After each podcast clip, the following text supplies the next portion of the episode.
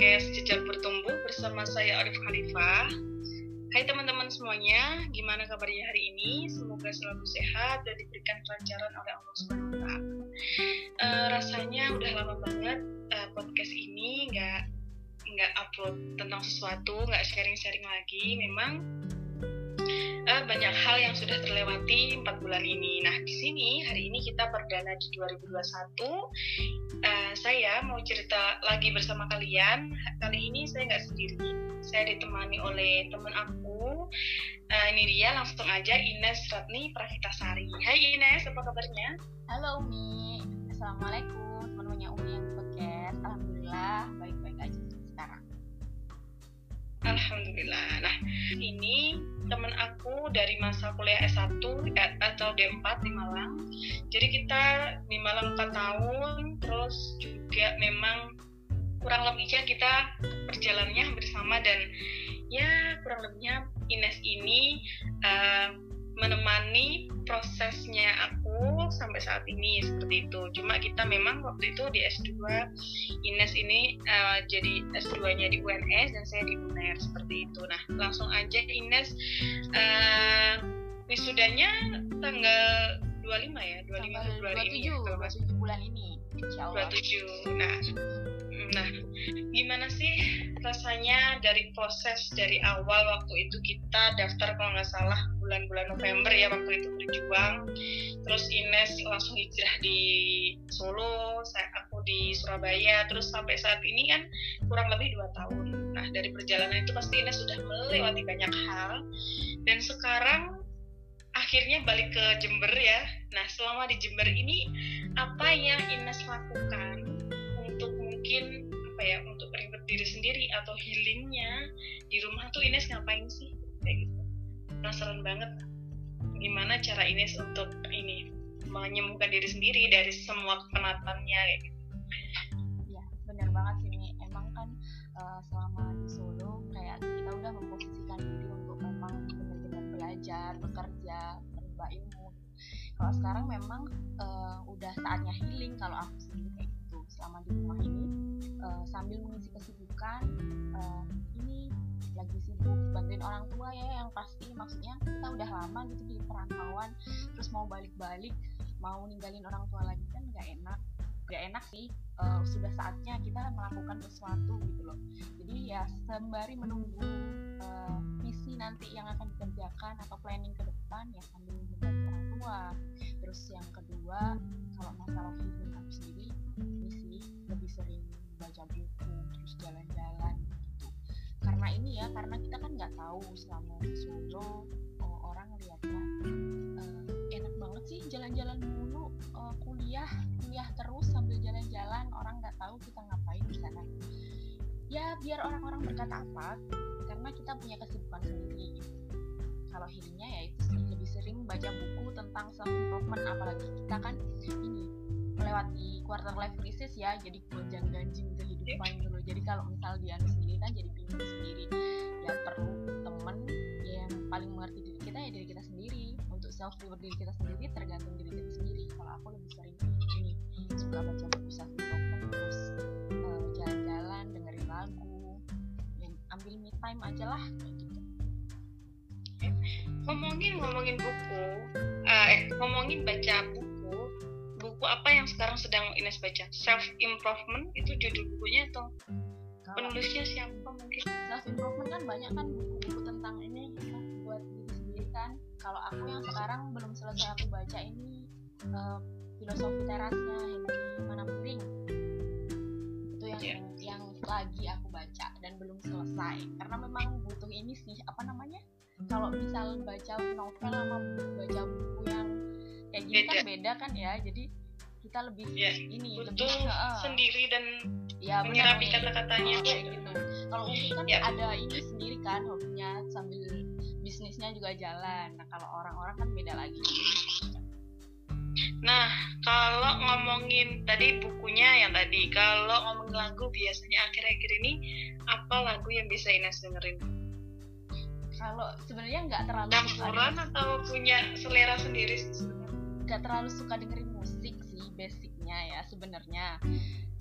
Tapi lebih suka apa namanya uh, ini lagu-lagu yang emang tenang tenang gitu loh. Bukan lagu terbaru bukan apa-apa. Untuk Aji rehat tuh enak tuh kalau misal buat oh, apa namanya uh, buat diri sendiri. Aku suka banget juga gitu. lagu itu. Kalau pas Nadine Amiza gitu ya. Nah iya yang kayak gitu-gitu tuh. Jadi bukan lagu yang baru tapi yang kayak gitu tuh ya nah itu tadi ini aja sih apa namanya uh, sama banget sih. Mungkin ya nggak banget maksudnya hampir sama. Mungkin juga sekarang kan alhamdulillah kita sama-sama melewati sudah uh, masa-masa kritisnya untuk menyelesaikan tanggung jawab kepada orang tua. Alhamdulillah sudah selesai dan insya Allah kan tinggal beberapa lagi beberapa hari lagi kita tinggal perayaannya aja. Untuk healingnya sama sih kurang lebih mungkin dengerin lagu baca buku lebih kurniawan Bu Nadi sih beli buku dulu belum sampai ke baca semua padahal udah bertahun-tahun. Nah mungkin uh, ngerasa nggak sih Nes bahwa kayaknya kemarin tuh masih Januari 2020 aku inget banget waktu itu aku masih mau apa ya yang pulang pindah daftar kerja kalau nggak salah waktu itu. Terus kok sekarang udah 2021 gitu. Nah mungkin uh, uh, mungkin aku atau Ines pun mungkin juga teman-teman dengerin punya target-target sebenarnya. Pasti kan di awal tahun kita kan punya misi punya target. Aku pengen ah tahun ini aku harus ini ini ini, ini. mungkin kadang beberapa orang ada yang dicatat tuh aku harus menyelesaikan ini aku harus bikin buku aku harus lulus aku harus punya usaha atau aku harus menikah kayak gitu gitu nah ada nggak sih uh, target-target Ines yang di 2020 sudah ditulis? Mungkin ya karena adanya COVID-19 ini mungkin ada yang tertunda ada nggak sih? Atau memang COVID-19 ini malah membuat target-target itu uh, terlaksana seperti itu benar banget sih kalau yang itu. Benar-benar nggak kerasa. Kayak baru uh, apa namanya istilahnya 2020 tuh kita numpang duduk aja. Tiba-tiba udah ganti tahun kan kayak gitu. Iya sih kalau misal ngomongin visi um, meskipun nggak covid kayaknya um, masih ada visi-visi yang bisa belum tercapai planning-planning yang belum terlaksana.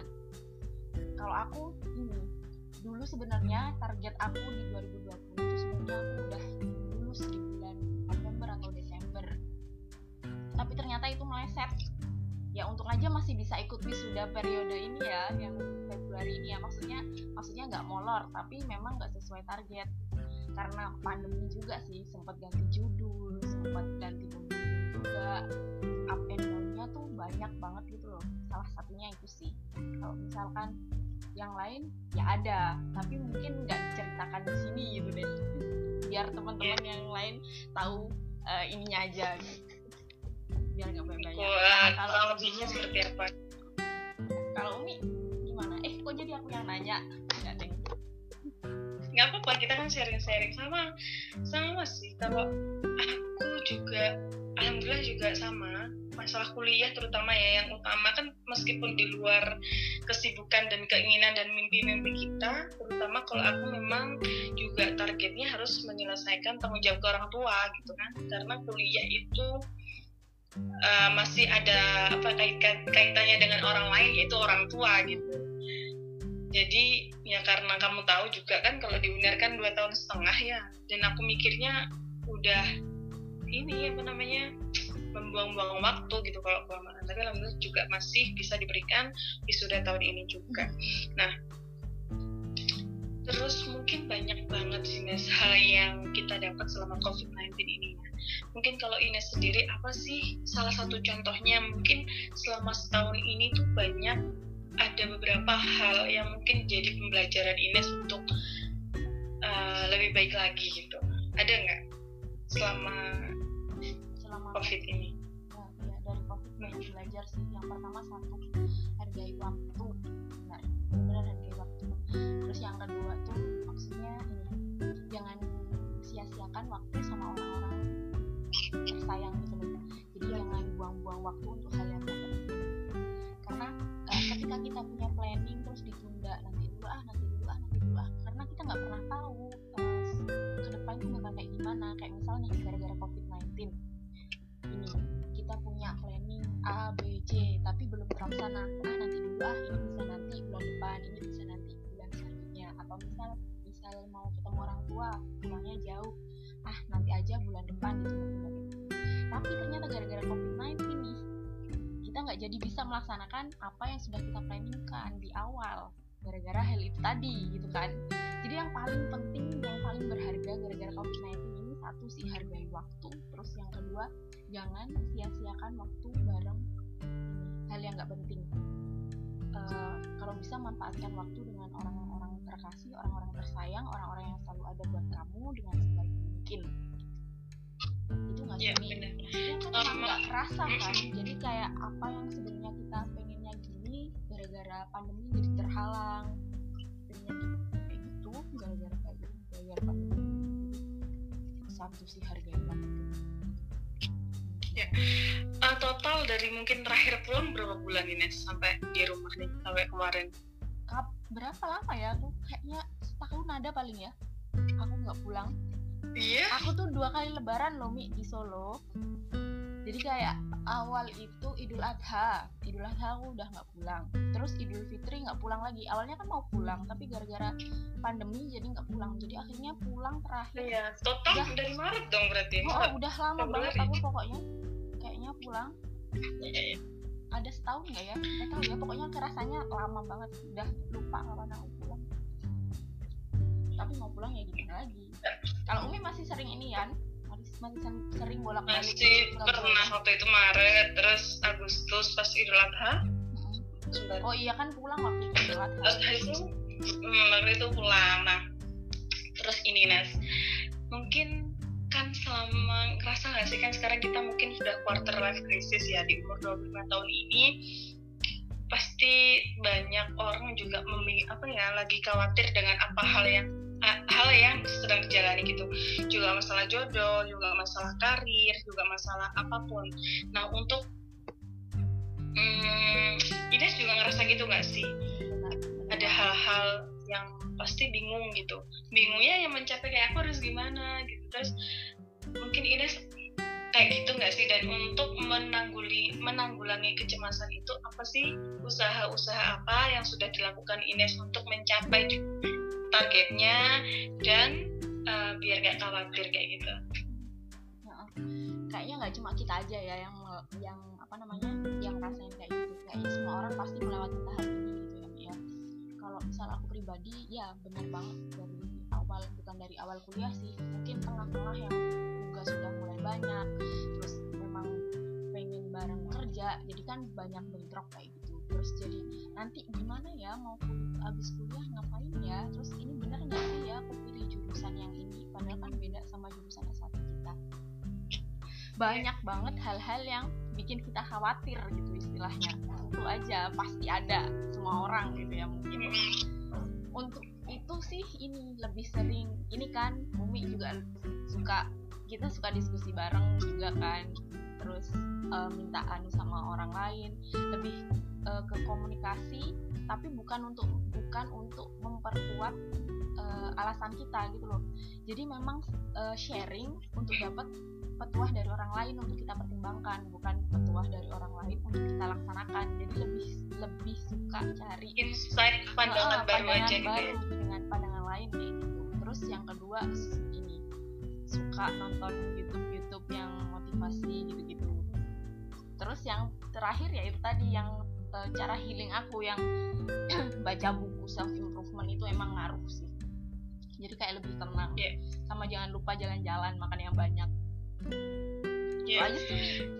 Inget banget dari Ines oh, ngomong gitu tadi aku pernah juga nonton aku lagi ini lagi suka banget dengerin analisa channel kalau kamu tahu. Oh, analisa Widya Nurul ya, sama Gita Savitri. Itu banget banget merubah pola pikirku insightku jadi tambah banyak gitu pandangannya. Dan dari situ kemarin aku baca eh lihat uh, beliau sama Helmi Yahya. Helmi Yahya pernah pernah bilang gini pokoknya tiga investasi yang pasti sukses itu salah satunya ada ilmu pengetahuan.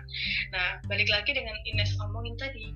Dengan Ines membaca buku nonton YouTube eh, motivasi-motivasi itu memang sangat-sangat bisa merubah pola pikir kita seperti itu ya. Ternyata memang ilmu itu memang jendela dunia itu benar. Karena dari ilmu kita banyak punya pandangan punya pengetahuan dan itu nanti juga berpengaruh dengan perilaku atau uh, etika kita sehari-hari gitu. Gimana kita cara menyikapi masalah seperti itu ya Nes ya mungkin.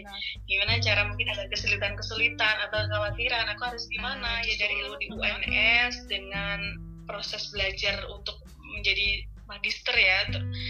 Dan kita tahu bahwa untuk menjadi magister kesehatan masyarakat atau magister apa pun itu kan bukan hanya gelar kayak gitu. Tapi kita punya tanggung jawab. Kalau punya kita eh kita punya gelar ini harusnya kita juga punya pengetahuan segini seperti itu. Pasti ada dong kekhawatiran dan apa ya insecure bahwa kok aku punya pengetahuan cuma segini ya? Kayak gitu. Padahal aku kayaknya kan kalau S2 harusnya yang udah pinter harus gini-gini. Ada nggak sih kayak gitu? Dan dan dibandingkan dengan D4 dulu mungkin apa sih Nes yang Ines pelajari dari D4 gini ternyata S2 kayak gini? Bisa nggak diceritain kalau misal ditanya beda atau enggak D4 sama S2 ya jelas beda ya. Maksudnya kita dari kuliahnya yang awalnya uh, politeknik ke universitas itu yang pertama udah beda. Yang kedua dari jenjangnya udah beda. Terus kalau misalkan yang paling menonjol kalau misalkan kita di 4 dulu kan lebih sering ini nih lebih sering praktek kan karena memang basicnya kita sekolah vokasi. Kalau yang di S2 kita lebih ke teori lebih belajar maksud uh, lebih belajar tentang teori gitu loh bukan yang praktek harus ke sana ke sini. Jadi perbedaannya ya itu banyak banget. Terus yang selanjutnya ada ini kalau misalkan di 4 kita kuliahnya harus tiap hari terus banyak target yang dicapai. Sedangkan di S2 kita kalau misal kita nggak mau belajar ya udah terserah kamu. Asal kamu ujian bisa asal tugasmu selesai dan lain-lain. Terus yang ketiga juga ini dari teman-temannya kalau merasa insecure di awal jelas merasa insecure. Jadi kayak wah mereka kok ini ya taunya banyak banget ya kok aku cuma segini-gini aja ya bisa nggak sih ya anak dari dari Poltekkes nih uh, sekolah di apa namanya sekolah di universitas bareng anak-anak lain yang basicnya banyak gitu di S2 ini. Terus kayak bener nggak ya jurusan yang aku pilih ini uh, buat menunjang karir ke depan gitu terus dari segi dosennya juga beda banget. Kalau misalkan di Poltekkes kita kayak dosennya lebih kayak guru yang ngedikte satu-satu. Kalau misalkan S2 yeah. kita lebih dilepas gitu kan istilahnya. Mereka suka sharing tapi bukan suka untuk mendikte istilahnya gitu. Terus ini uh, apa namanya selama S2 ini kayak ini sih merasa kayak kamu tuh masih belum ada apa-apanya sombong kalau misalkan kamu dulu misal nih aku nggak ranking satu dulu di Poltekkes misal nih dulu di S1 ini nilainya bagus banget IPK-nya 4 lulusan terbaik gitu. Kamu nyampe di universitas ketemu banyak orang lagi kamu tuh kayak merasa kecil. Kamu tuh bukan siapa-siapa. Terus ketemu dosennya yang udah profesor-profesor tinggi-tinggi.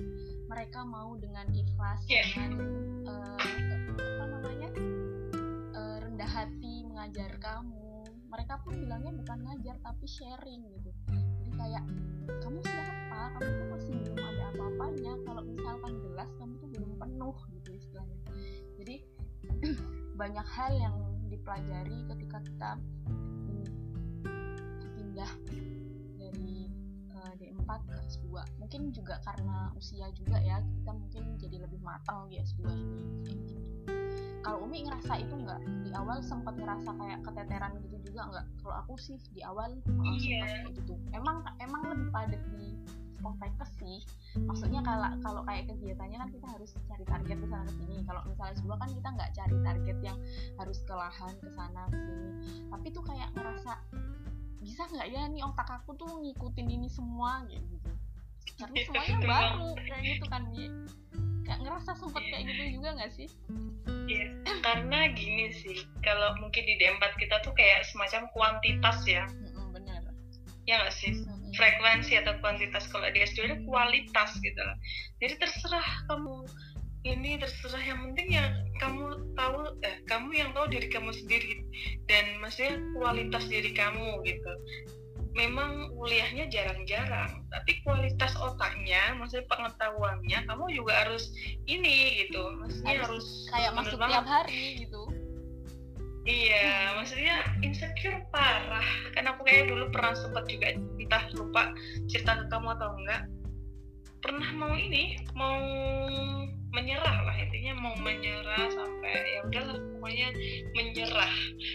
Karena ya itu di titik di mana aku ngerasa kayak nggak sanggup merasa insecure parah ngerasa nggak berharga ngerasa nggak pokoknya kecil banget gitu loh. Padahal ini udah harusnya jadi motivasi waktu itu harusnya ketika aku ada di orang-orang yang hebat harusnya menjadi motivasi aku harus gini. Waktu itu sempat juga malah down malah udah ah, aku nggak bisa kayaknya di tempat kayak gini aku nggak bisa gitu. Tapi ya alhamdulillah lah dengan proses ini ternyata ya ada di titik ini sekarang gitu udah melewati semuanya. Dan aku juga suka banget Ines tadi bilang semakin kita apa ketemu banyak orang yang hebat ternyata memang kita tuh nggak ada apa-apanya. Kayaknya ini banget ya kita kecil banget kalau kita udah merasa hebat gitu. Padahal kita tuh belum apa-apa gitu. Kecil banget. Kita kecil dari sebagian orang di sini kayak gitu ternyata. Dan dan juga rasa ingin apa namanya ya untuk rasa ingin memperbaiki diri itu ada nggak sih Nes ya? Aku sih rasanya gitu kayak ada terus tiap hari. Maksudnya dalam arti pribadi sama juga pengetahuan. Pengetahuan yang kita kuliah sekarang sih sebetulnya jadi kayak ada lagi ada lagi. Karena kita ngeliat orang-orang ini gimana ya cara belajarnya dulu kok bisa sehebat ini dan serendah diri ini? Eh serendah hati ini bukan serendah diri. Hmm, kayak mereka tuh nah, semakin terus, berilmu semakin menunduk gitu loh. Iya kayak ilmu padi ya. Banyak ilmunya malah semakin pengen membantu ngomongnya juga sharing bukan ngajar kayak gitu. Terus ngomongin S2 uh, Ines ini gak sih? Gimana kan ada perkataan kamu itu kerja harus sesuai bidang kamu kayak gitu misalkan. Setuju nggak dengan kata-kata itu? Dengan Ines S2 ini kalau menurut Ines sendiri apakah Ines harus bekerja di uh, apa namanya di kebidanan atau enggak kayak gitu? Istilah dengan bekerja eh bekerja itu harus sesuai jurusan kuliah kayak gitu dan apakah selama S2 ini menurut Ines yang dipelajari apakah hanya uh, kita pintar dan ilmu pengetahuan saja?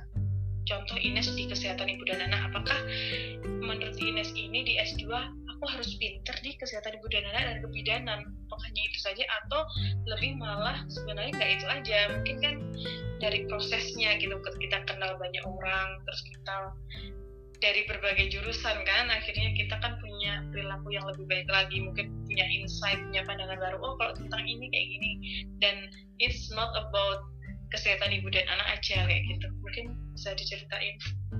Kalau masalah setuju nggak setuju ini sih uh, setuju sama nggak setuju kalau karena setujunya gini mungkin ada orang di awal yang memang uh, niatnya kuliah memang aku suka bidang ini aku mau di bidang ini jadi bakalan nanti aku kuliah ini untuk bekerja gitu. jadi kan dia uh, bakalan bekerja sesuai dengan jurusan kuliah yang kedua ada orang yang dulu mungkin di awal kayak aku dulu ya masuk ke bidanan mungkin sebenarnya nggak pengen jadi bidan gitu. tapi masuklah ke kebidan kebidanan setuju atau nggak setuju kalau misalkan aku nggak setuju kalau misalkan di aku. Karena di awal aku memang uh, tidak menginginkan hal tersebut. Jadi bisa setuju sama nggak setuju. Terus yang kedua tadi apa mi? Yang kedua apakah apa namanya yang dipelajari itu loh. Oh, yang iya. dipelajari oh, apakah kalau yang dipelajari seiring berjalannya waktu ya kayak uh, ini namanya ilmu pengetahuan kan luas. Uh, kita kuliah atau kita di bangku kuliah itu kan sebuah proses gitu loh. Jadi bukan karena kita di bangku kuliah itu kita belajar tapi itu salah satu proses pembelajaran kita. Jadi sebenarnya ilmu yang kita dapat tuh nggak cuma dari bangku kuliah gitu. Kayak misal Umi di Surabaya kan juga bekerja juga jualan punya bisnis dan lain itu kan banyak ilmu yang didapat. Kayak udah uh, punya sendiri jadi kalau misalkan manajemen keuangan dan lain nggak dapat dari bangku kuliah kan eh, nggak uh, cuma dari kesehatan reproduksi termasuk aku aku juga di sini. Jadi nggak cuma tentang kesehatan ibu dan dan anak aja tapi banyak mengenai relasi terus uh, bagaimana kita memperlakukan orang lain. Itu juga belajar loh jadi jangan cuma buat orang-orang yang mungkin ya kayak menganggap remeh orang lain karena status atau uh, pendidikannya yang kurang tinggi itu salah banget gitu loh. Karena kita tuh belajar nggak cuma dari bangku kuliah kita belajar itu dari banyak hal dari banyak tempat. Jadi jangan gampang meremehkan orang lain hanya karena pendidikan. Karena ilmu itu kita dapat sangat luas. Kayak gitu nih kalau dari aku sih. Betul banget sih aku juga setuju sih. Uh, menurut uh, kata Ines tadi juga ya memang kuliah kita ini tuh memang kita mempelajari bidang pengetahuannya tapi sebenarnya juga banyak hal yang kita pelajari dan tujuan utama tuh bukan oh nanti kita dapat target MKes MKM gitu. Itu salah Cuma satunya. gitu tapi ya. salah dua.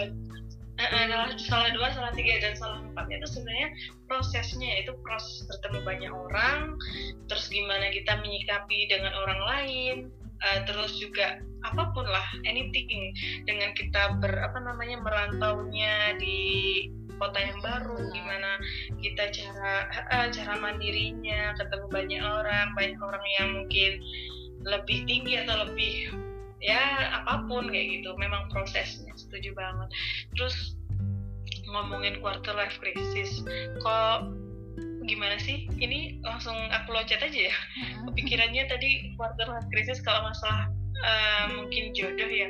Gimana sih pandangan Ines? Apakah gimana dengan istilah mungkin kalau kita ih kan banyak orang ya pasti eh kamu oh, belum nikah ya. Kan kamu udah 25 tahun kayak gitu tuh gimana sih? Ines kadang ini nggak apa namanya merasa annoying nggak sih? Aduh kok tanya kayak gitu mulu sih maunya hidup tentang jodoh doang kayak gitu. Atau Ines termasuk orang yang cuek untuk menyikapinya tuh gimana? Termasuk yang cuek atau mikir atau malah membalas apaan sih lo? Ngapain lo ngomong kayak gitu? Atau gimana? Kalau aku antara cuek tapi kadang juga dipikir sih nih kalau aku. Jadi kayak ya. ya sam kayak misalkan misal, ada yang nanya Nes uh, kok belum nikah? Temen-temen kan udah nikah deh. Biasanya Ines jawab apa cuma aku senyumin aja sih kalau kayak misal kayak gitu. Kecuali kalau sama teman deket ya kalau teman deket kan kita masih ngomong hmm. panjang. Tapi emang bener sih masalah apa namanya quarter life crisis terus eh, hal-hal uh, yang mengarah ke situ tuh sekarang lagi happening banget gitu. Mas banyak banget dibahas apalagi sama orang-orang dekat mungkin ya. Kayak kita nih sekolah terus udah umur segini lalalai kan pasti banyak banget kayak gitu. Dan itu mengganggu sih nih kalau misal dibilang mengganggu mengganggu banget. Karena kenapa sih kalian tuh harus ngurusin hidup orang gitu? Ngapain sih kamu harus uh, mendikte orang dengan hidupnya? Mereka tuh lo punya pandangan sendiri punya visi sendiri punya impian sendiri. Kenapa harus kayak gitu?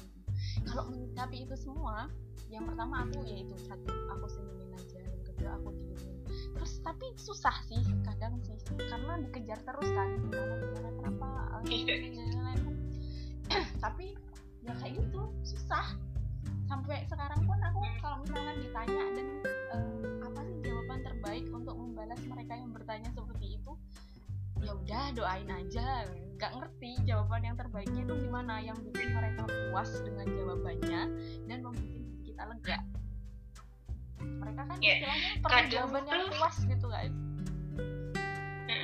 kadang tuh kadang ya gini sih ya mungkin kadang itu tuh kayak jadi habit gitu loh Nes kalau menurut aku tuh anak-anak sekarang orang-orang itu tuh kayak jadi habit bahwasanya menanya kapan kamu nikah? Semoga cepat nikah ya. Kok Hal belum nikah wajar. sih. Eh kamu kerja di mana kok belum kerja? Itu kayak kadang tuh niat mereka bukan kayak ngurusin hidup kita. Cuma kayak jadi habit yang itu kayak basa-basi yang, yang basi. Lah biar ada obrolan kayak gitu. Nah, biasanya nah, biar ada obrolan.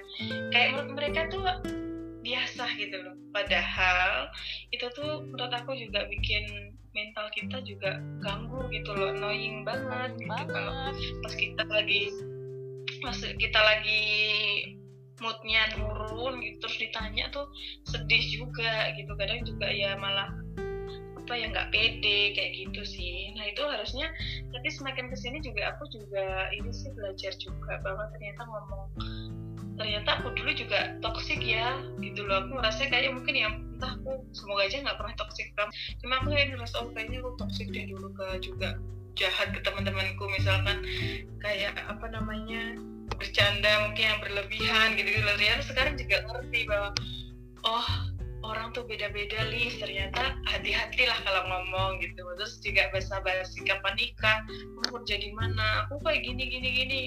Itu ternyata juga bikin mental orang terpuruk gitu loh. Karena aku juga ya aku pernah ngerasain di selama dua tahun ini dari situ aku belajar oh ternyata kita nggak boleh sem semudahnya kita ngomong ke orang ke teman meskipun itu bercanda.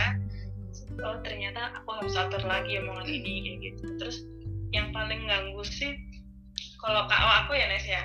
Kalau dari orang lain yang jauh misalkan saudara-saudara itu malah kadang sebenarnya nggak terlalu annoying.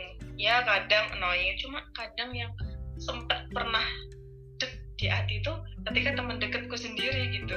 Waktu aku ulang tahun waktu itu tahun lalu semoga tapi bukan kamu ya adalah salah satu temanku tuh ngucapin gini selamat gini gini gini gini.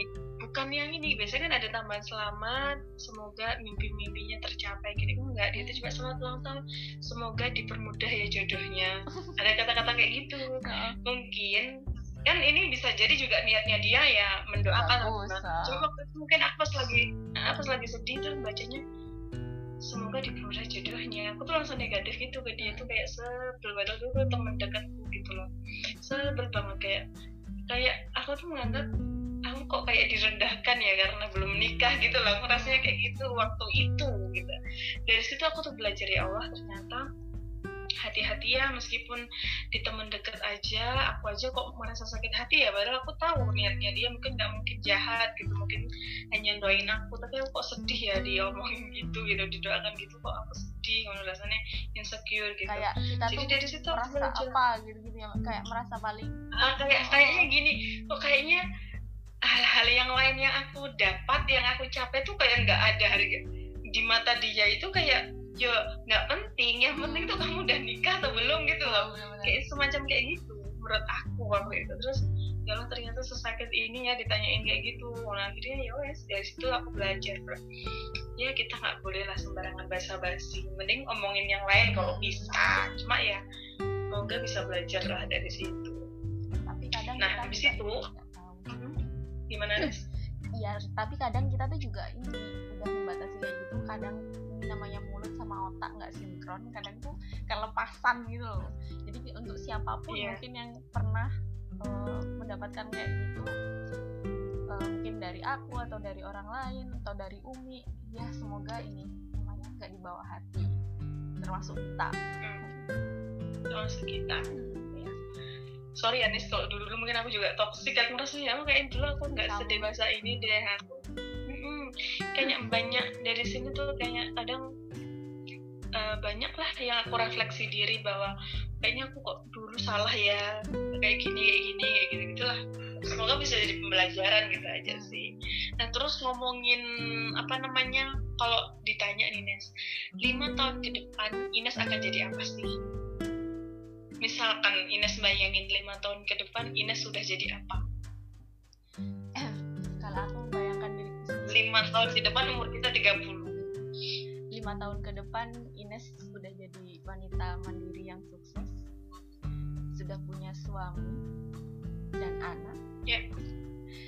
dengan keluarga yang bahagia kala- kayak yang di telenovela ya nggak telenovela juga sih. Ya kayak gitu. Maksudnya aku eh, merasa eh, merasa mandiri merasanya ya Mi. Mungkin dari aku sendiri. Dan aku pengen nanti meskipun aku sudah bersuami sudah berkeluarga aku masih tetap jadi wanita yang mandiri. Jadi aku ngelihatnya lima tahun ke depan aku masih jadi aku perempuan yang mandiri dengan keluarga dan anak dan segala mimpi-mimpi yang sudah digenggam. Oke amin. Semoga itu tercapai ya. Nah kalau itu kan kalau juga Umi kayak kalau Umi kalau Umi aku juga pengen tahu kalau Umi lima tahun ke depan Olive akan jadi ya sama. Jadi perempuan yang tetap mandiri dan setangguh ini mungkin terus punya suami punya insya Allah punya anak terus usahanya aku sudah punya toko toko skincare yang ada juga apa namanya ada laundry pengennya ada laundry ada apa namanya ada apa namanya tempat jualan HP itu apa ya namanya counter apa? Counter ya. Counter. counter ada tempat jualan eh, fotokopi ada laundry ada skincare ada apa namanya? Kalau masalah bisnis itu pengennya. Nah itu pengennya di dekat rumah. Terus kalau untuk masalah karir aku pengennya sudah mengajar di salah satu universitas. Entah swasta entah stikes pokoknya udah di salah satu universitas di mana itu dekat dengan rumah aku. Terus di situ aku udah mulai juga sambil nulis-nulis blog. Terus aku pengen deket sama mahasiswa-mahasiswaku terus menyemangati pokoknya motivasi mahasiswaku. Jadi biar dia juga jadi kayak aku yang positifnya. Maksudnya mungkin jadi wanita yang eh, tegar gitu gitulah mungkin seperti itu sih. Mungkin itu ya. Aku jadi juga bayangin insya Allah makanya- semoga lima tahun depan jadi kayak gitu nih Umi kan bilang dari tadi ini nih apa namanya yang deket rumah aku. Jadi intinya ini Umi bakalan tetap di Banyuwangi mau tinggal di Banyuwangi atau memang ada rencana eh, di mana pun nanti. Karena aku dengarnya Umi, Umi dari tadi bilang aku mau ini yang dekat rumah aku. Nah setahu kan rumah Umi di Banyuwangi nih. Nanti bakalan pengen di Banyuwangi atau gimana? Iya, dengan perjalanan ini ya, Nen, sebenarnya aku dari dulu kan dari di, pondok tuh udah jarang di jarang di SMA. Terus kuliah, aku tuh bener-bener tidak mikirin di Jember aja nggak mikirin, pokoknya aku harus jauh, harus di kota besar. Waktu itu memang pengennya kalau nggak di Malang Surabaya, tapi lebih condong ke Surabaya karena waktu itu pengen di UNER lah, pokoknya di Surabaya, di Malang, Surabaya, Malang.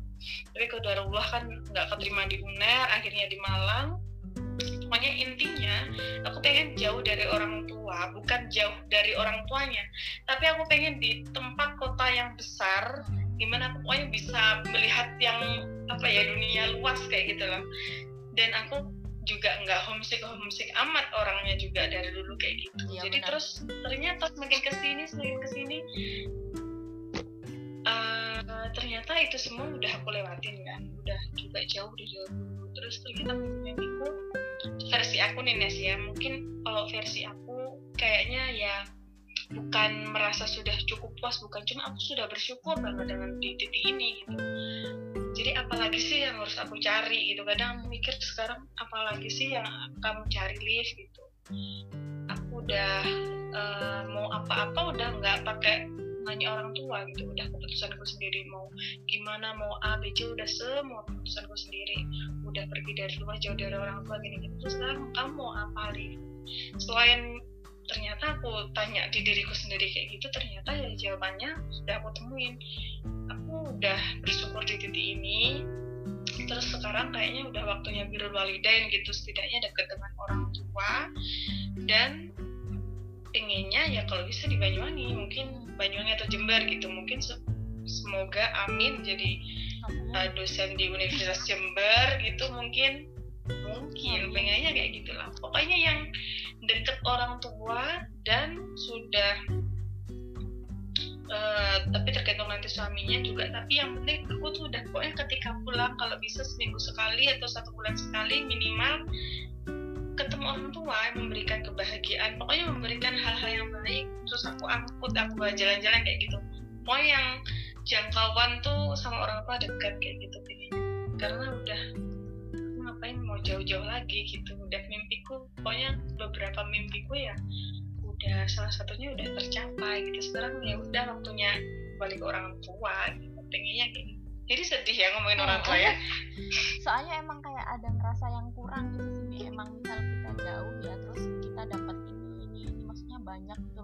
terus kita tuh bingung buat apa lagi ya keluarga? Gitu. Semakin dewasa kan kita kayak makin tahu emang yang penting tuh keluarga.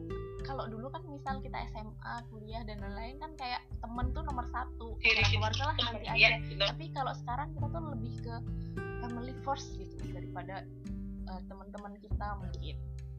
Jadi ini itu sih jadinya.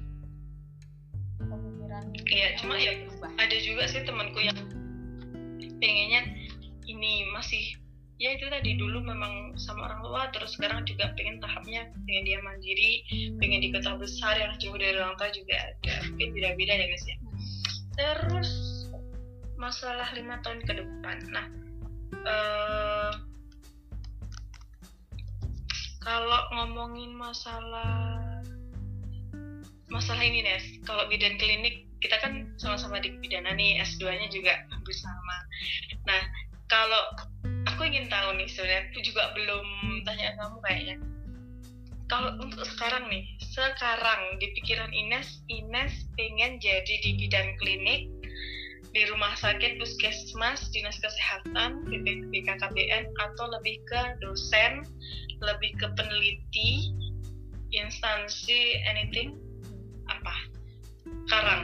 Nggak boleh pilih dua-duanya ya Mi oh ya nggak apa nggak apa maksudnya sekarang tuh pengennya lebih yang mana pengennya kalau gitu. pengennya sih uh, bukan 50-50 sih. Kalau sekarang karena udah uh, jenjang pendidikannya udah S2 lebih pengennya memang ke lebih ke akademisi sih daripada yang ke klinis. Tapi ke, karena kemarin aku di Solo sambil kerja dan lain-lain kayak pada suatu sisi tuh aku merasa happy juga di jadi bidan gitu loh. Maksudnya di klinis tuh aku happy tapi aku lebih condongnya lebih ke akademisi jadi sebenarnya aku punya mimpi nanti suatu saat mungkin uh, kalau kalau bisa dua-duanya kenapa harus pilih salah satu?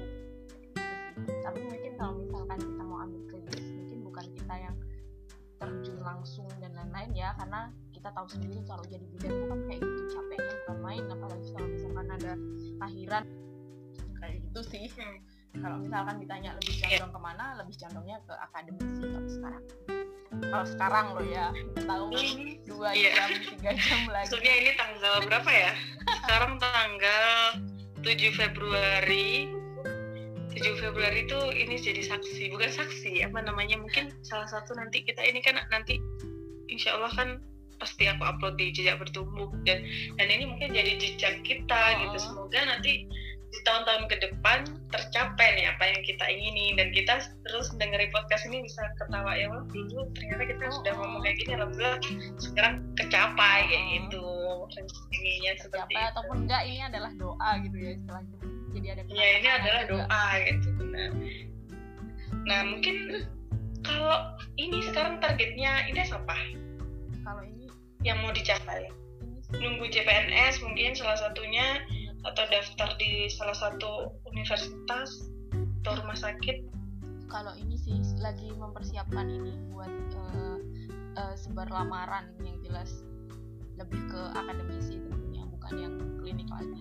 Udah ngerasain kan kemarin di klinik sekarang mau coba yang lain. Nggak terlalu yang pilih, ya, harus di universitas negeri dan lain-lain sini maksudnya semua kesempatan ya, yang terbuka itu dicoba karena rezeki kan datangnya dari segala arah. Segala arah betul. Dan planningnya dan udah. Ya udah ada rasa belum ini? Kalau aku tuh kayak udah ada rasa kayak ya Allah ini tuh ternyata ilmu yang bermanfaat tuh memang ilmu yang disebarkan ke orang lain gitu. Kayak udah ada rasa tanggung jawab di mana aku tuh harus pintar dalam arti aku tuh harus aku harus punya ilmu banyak biar nanti aku tuh share ke mahasiswa-mahasiswa kayak gitu. Udah ada rasa-rasa itu kan? Ya tentunya ada sih jelas kayak gitu ya. E. kayak kita tuh ya karena itu tadi loh kayak kayaknya kita tuh kayak dibesarkan di uh, suatu tempat yang kamu tuh masih bukan siapa-siapa gitu. Kamu tuh masih perlu belajar lagi lagi dan lagi dan lagi dan banyak. Jadi kamu harus mengisi uh, dirimu sendiri itu dengan ilmu pengetahuan. Kamu nggak boleh sombong kamu harus tetap rendah hati kamu harus berbagi ilmu agar ilmu bermanfaat. Jadi ya gitu. Jadi pengen pengen terus terus terus terus terus. Semoga bukan yang pengen terus terus sesaat ya. Jadi kita pengennya kan nanti buat uh, selamanya. Jadi orang yang ya mau belajar terus gitu loh meskipun usianya udah bertambah. Ya. Terus tadi ngomongin masalah Ines. Jadi Ines sama aku ini teman-teman kalau boleh tahu kalau ini apa namanya kita tuh sama-sama uh, kerja sambil kuliah gitu ya tapi mungkin aku di bidang yang lain gitu. Tapi kesehatan yaitu farmasi mungkin kalau Ines memang di kebidanannya gimana cara Ines membagi waktu sedemikian rupa gitu? Bisa membagi waktu-waktu shift dan ini. Kan pasti sempat stres kan uh, mungkin bentrok-bentrok gimana tuh awalnya? Terus bisa uh, sekarang bisa bisa ngejalanin semuanya gitu. Kalau bagi waktu susah kan memang susah di awal. Uh, jujur aja nih kalau misalkan dulu sebelum kerja kan emang kita kuliah kalau misalkan S2 kak nggak full kan. Kalau aku sendiri di UNS kan cuma dua hari. Jadi seminggu itu cuma dua hari. Jadi kan banyak waktu yang kosong. Nah aku ikutlah coba-coba uh, cari kegiatan. Salah satunya ini himpunan mahasiswa juga kan. Ada himpunan mahasiswa pasca sarjana. Aku mulailah ikut itu. nah mulai ikut itu ternyata ini ya udah lagi sambil jalan sambil kuliah masih santai. Terus apalagi ya akhirnya ini kebetulan waktu itu temanku ada yang kerja di klinik. Nah kliniknya itu buka lowongan dia nawarin aku ngasih tahu. Nah aku cobalah di klinik itu. Terus uh, di CV tuh aku, aku tulis kalau misalkan uh, aku kuliah sambil kuliah tapi masih tetap menerima konsekuensi kalau misalkan harus mengganti di lain shift. Tapi hari Kamis dan Jumat mohon izin untuk kuliah. Nah ternyata si pemilik kliniknya ini jadi sambil aku cerita jalannya di awal ya Mia nah iya apa iya. pemilik kliniknya itu beliau juga dosen. Beliau ngajar terus beliau juga udah tua dan ini malah beliau bilang ya nggak apa-apa kamu uh, sambil kuliah asalkan uh, konsekuen dengan apa yang kamu bicarakan. Terus beliau juga bilang karena kamu masih kuliah aku dikasih tempat tinggal lah di Solo. Jadi aku nggak nggak perlu ngekos lagi. Karena beliau mungkin tahu ya daripada ini anak masih bayar kos masih kerja masih balik ke apa namanya ke kampus kan nggak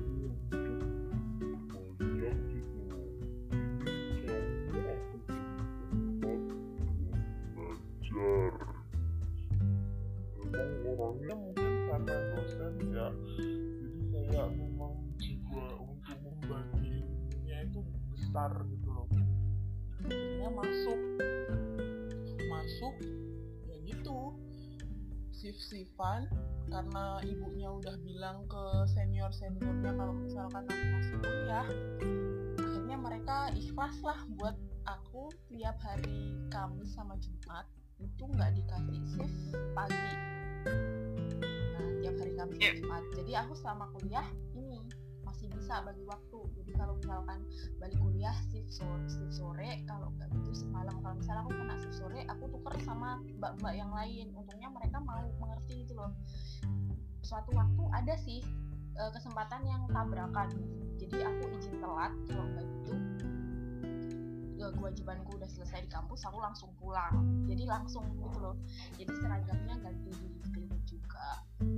Dan emang uh, stres banget sih nih aku aku di awal yang dengan tugas yang banyak terus ternyata uh, di kebidanan yang sif-sifan kayak gitu. Belum lagi kalau misalkan tiba-tiba ada uh, orang lahiran kan kita harus begadang. Apalagi besoknya kuliah itu benar-benar terasa Nah, yang di akhir untungnya ada pandemi ini juga. Jadi waktu pandemi kan kuliahnya ada yeah. berapa bulan ya? Tiga bulan apa? Sama berarti gitu. ya. Dari Maret. Maret. Oh, oh dari dari Maret itu untungnya ada pandemi, akhirnya nggak ke kampus, jadi bisa nge-zoom. Dan emang iya. ternyata nggak gampang gitu, apalagi sampai aku sempat salut sama ibu-ibu yang semangatnya masih tinggi. Mereka udah punya anak udah punya suami masih kerja tapi juga masih mau kuliah. Sumpah keren banget sih mereka. Soalnya baru gini aja yang masih muda itu merasa keteteran. Apalagi mereka yang kerja sampai kayak gitu. Tapi emang semuanya tuh kalau misalkan kita ada niat bakalan bisa kok. Bisa. Oh, oh sesuatu yang nggak mungkin itu bakalan bisa kok. Ternyata kalau misalkan kita mau mengusahakan yang rasanya sekarang udah. Lagi. Tapi menyenangkan sih. Berarti nih ya pernah juga ya berat sama sih Nes. Awal-awal kayak aku bisa nggak ya insecure parah aku bisa nggak aku ngerasa kayaknya nggak bisa deh sama kerjanya nggak bisa deh. Apalagi tapi semakin aku dalam kan? semakin yakin Umi ternyata bisa kayak gitu. sambil bisnisnya sambil kerja sambil kuliah itu lebih banyak lagi mi. Gimana tuh? Dan ternyata dan ternyata aku bisa Nes gitu.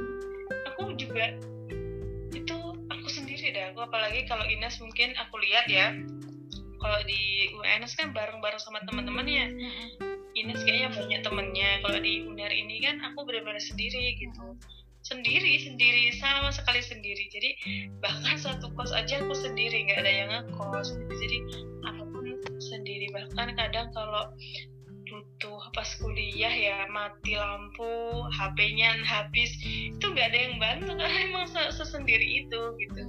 Dan ternyata ya semuanya aku bisa gitu.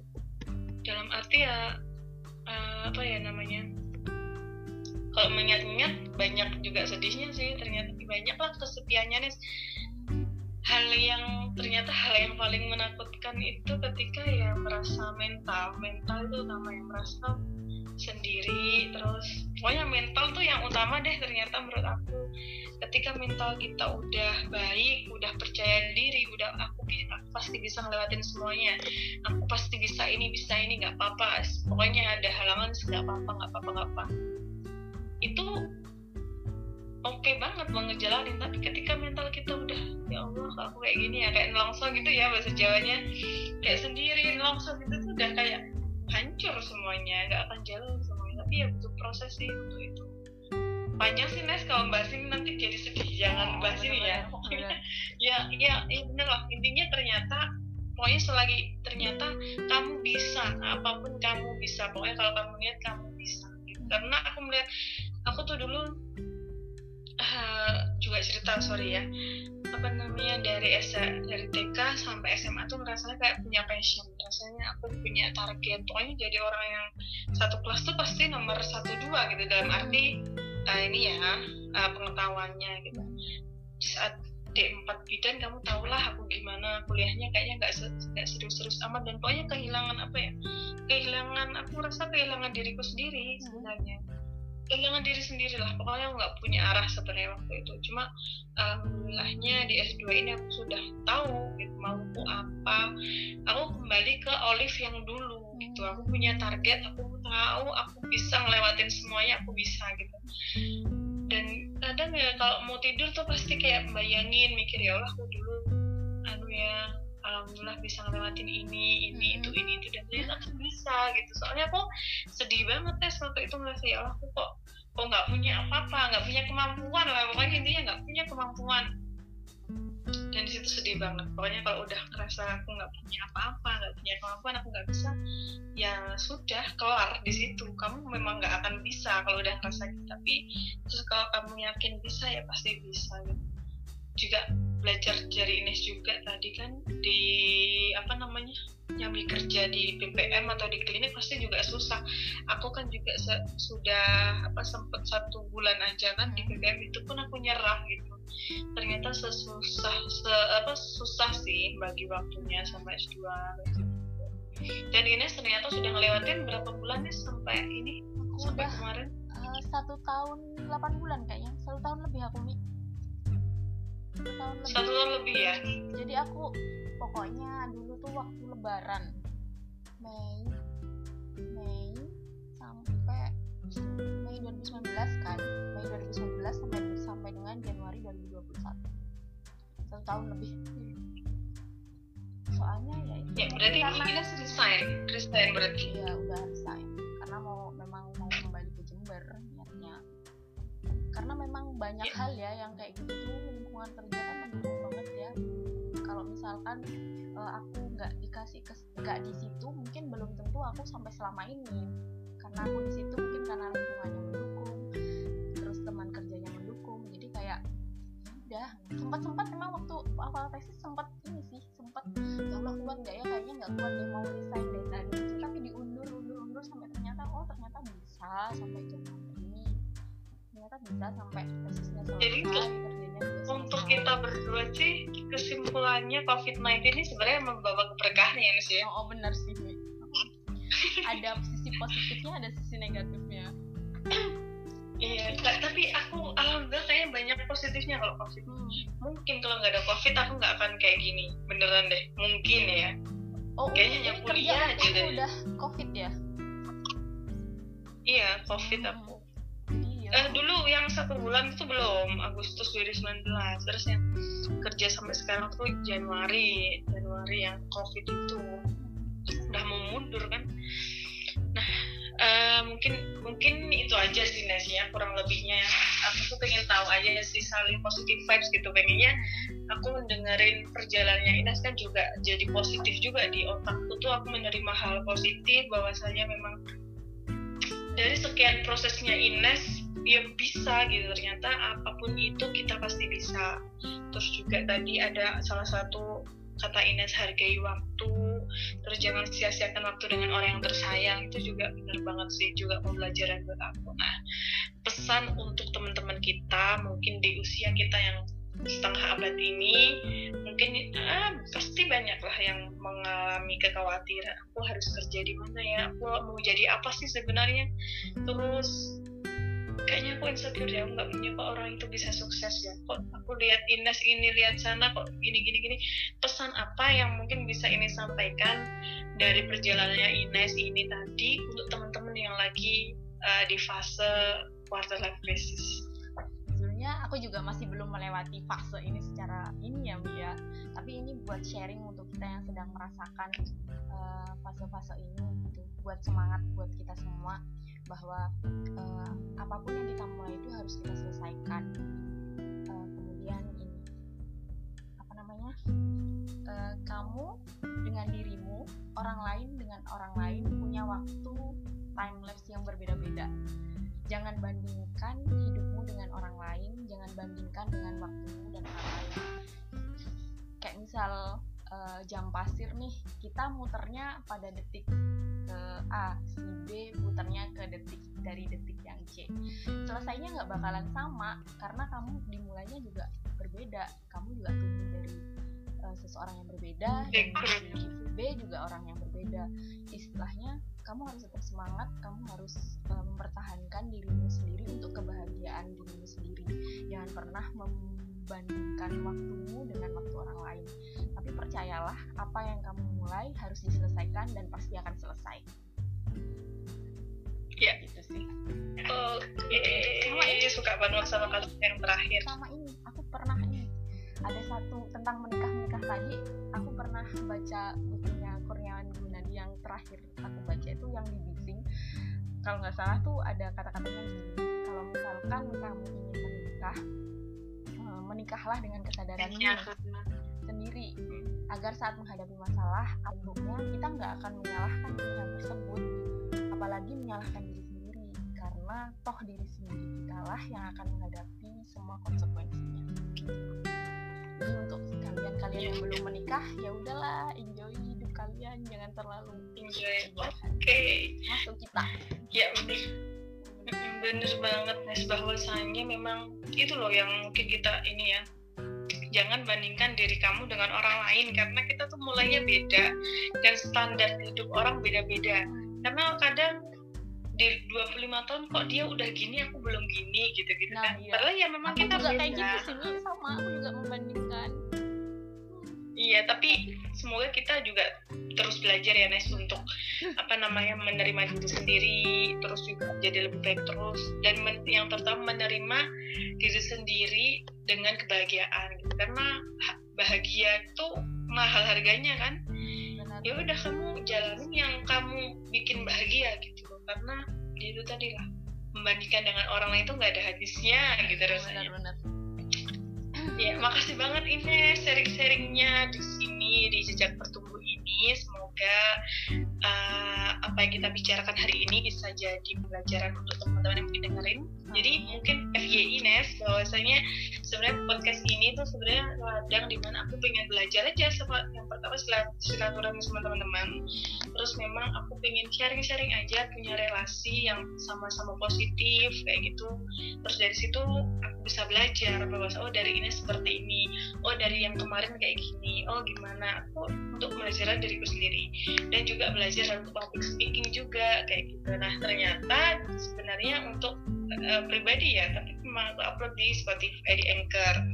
Dan ternyata kalau di Anchor kan ada tulisannya siapa aja yang dengerin gitu maksudnya banyak dengerin gitu. Ternyata ya ada gitu yang dengerin entah siapa Hmm. gitu dan ada juga ada kelasku tuh sampai DM waktu itu. Mm, waktu D- DM intinya bagus banget kok Oli. Setidaknya inilah pokoknya bikin apa lah motivasi apa gitu. Rasanya ya Allah alhamdulillah seneng banget. Ternyata ada yang dengerin dan ada yang sampai DM gitu gitu loh. Ya semoga ke depannya juga maksudnya suka seneng lah kalau ap- apa yang kita omongin tuh salah satunya bisa jadi motivasi atau semangat teman-teman yang dengerin gitu. Jadi thank you so much for uh, Ines untuk ceritanya di sini Eh, sorry banget mungkin kalau ada kekurangannya gitu mungkin next kita bikin podcast lagi dengan topik yang menarik kayak gitu. Karena ini aku podcast ini memang berawal dari keresahan gitu.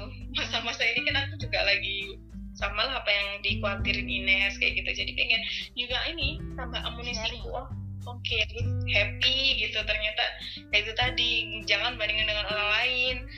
Yang apa yang kamu mulai harus kamu selesaikan dan lain-lain thank you so much Ines semoga Ines sehat selalu. Apa yang diimpikan juga tercapai kayak gitu. Nah ini tadi teman-teman mungkin Ines um, babe dulu sama aku juga mau terima kasih sih sama Umi maksudnya udah dikasih kesempatan meskipun eh, ilmunya masih cetek ya dibanding yang lain-lain yang sempat diundang Umi. Istilahnya kita sharing Eh, terima kasih juga atas kesempatannya. Ini juga aku kayak punya energi baru untuk eh, melakukan apa eh, apa pun planning-planning aku ke depannya. Terima kasih banyak Umi udah fasilitasi. Terima kasih juga buat semuanya lah. Jadi kayak ya, eh, energi positifnya tuh jadi nambah gitu loh.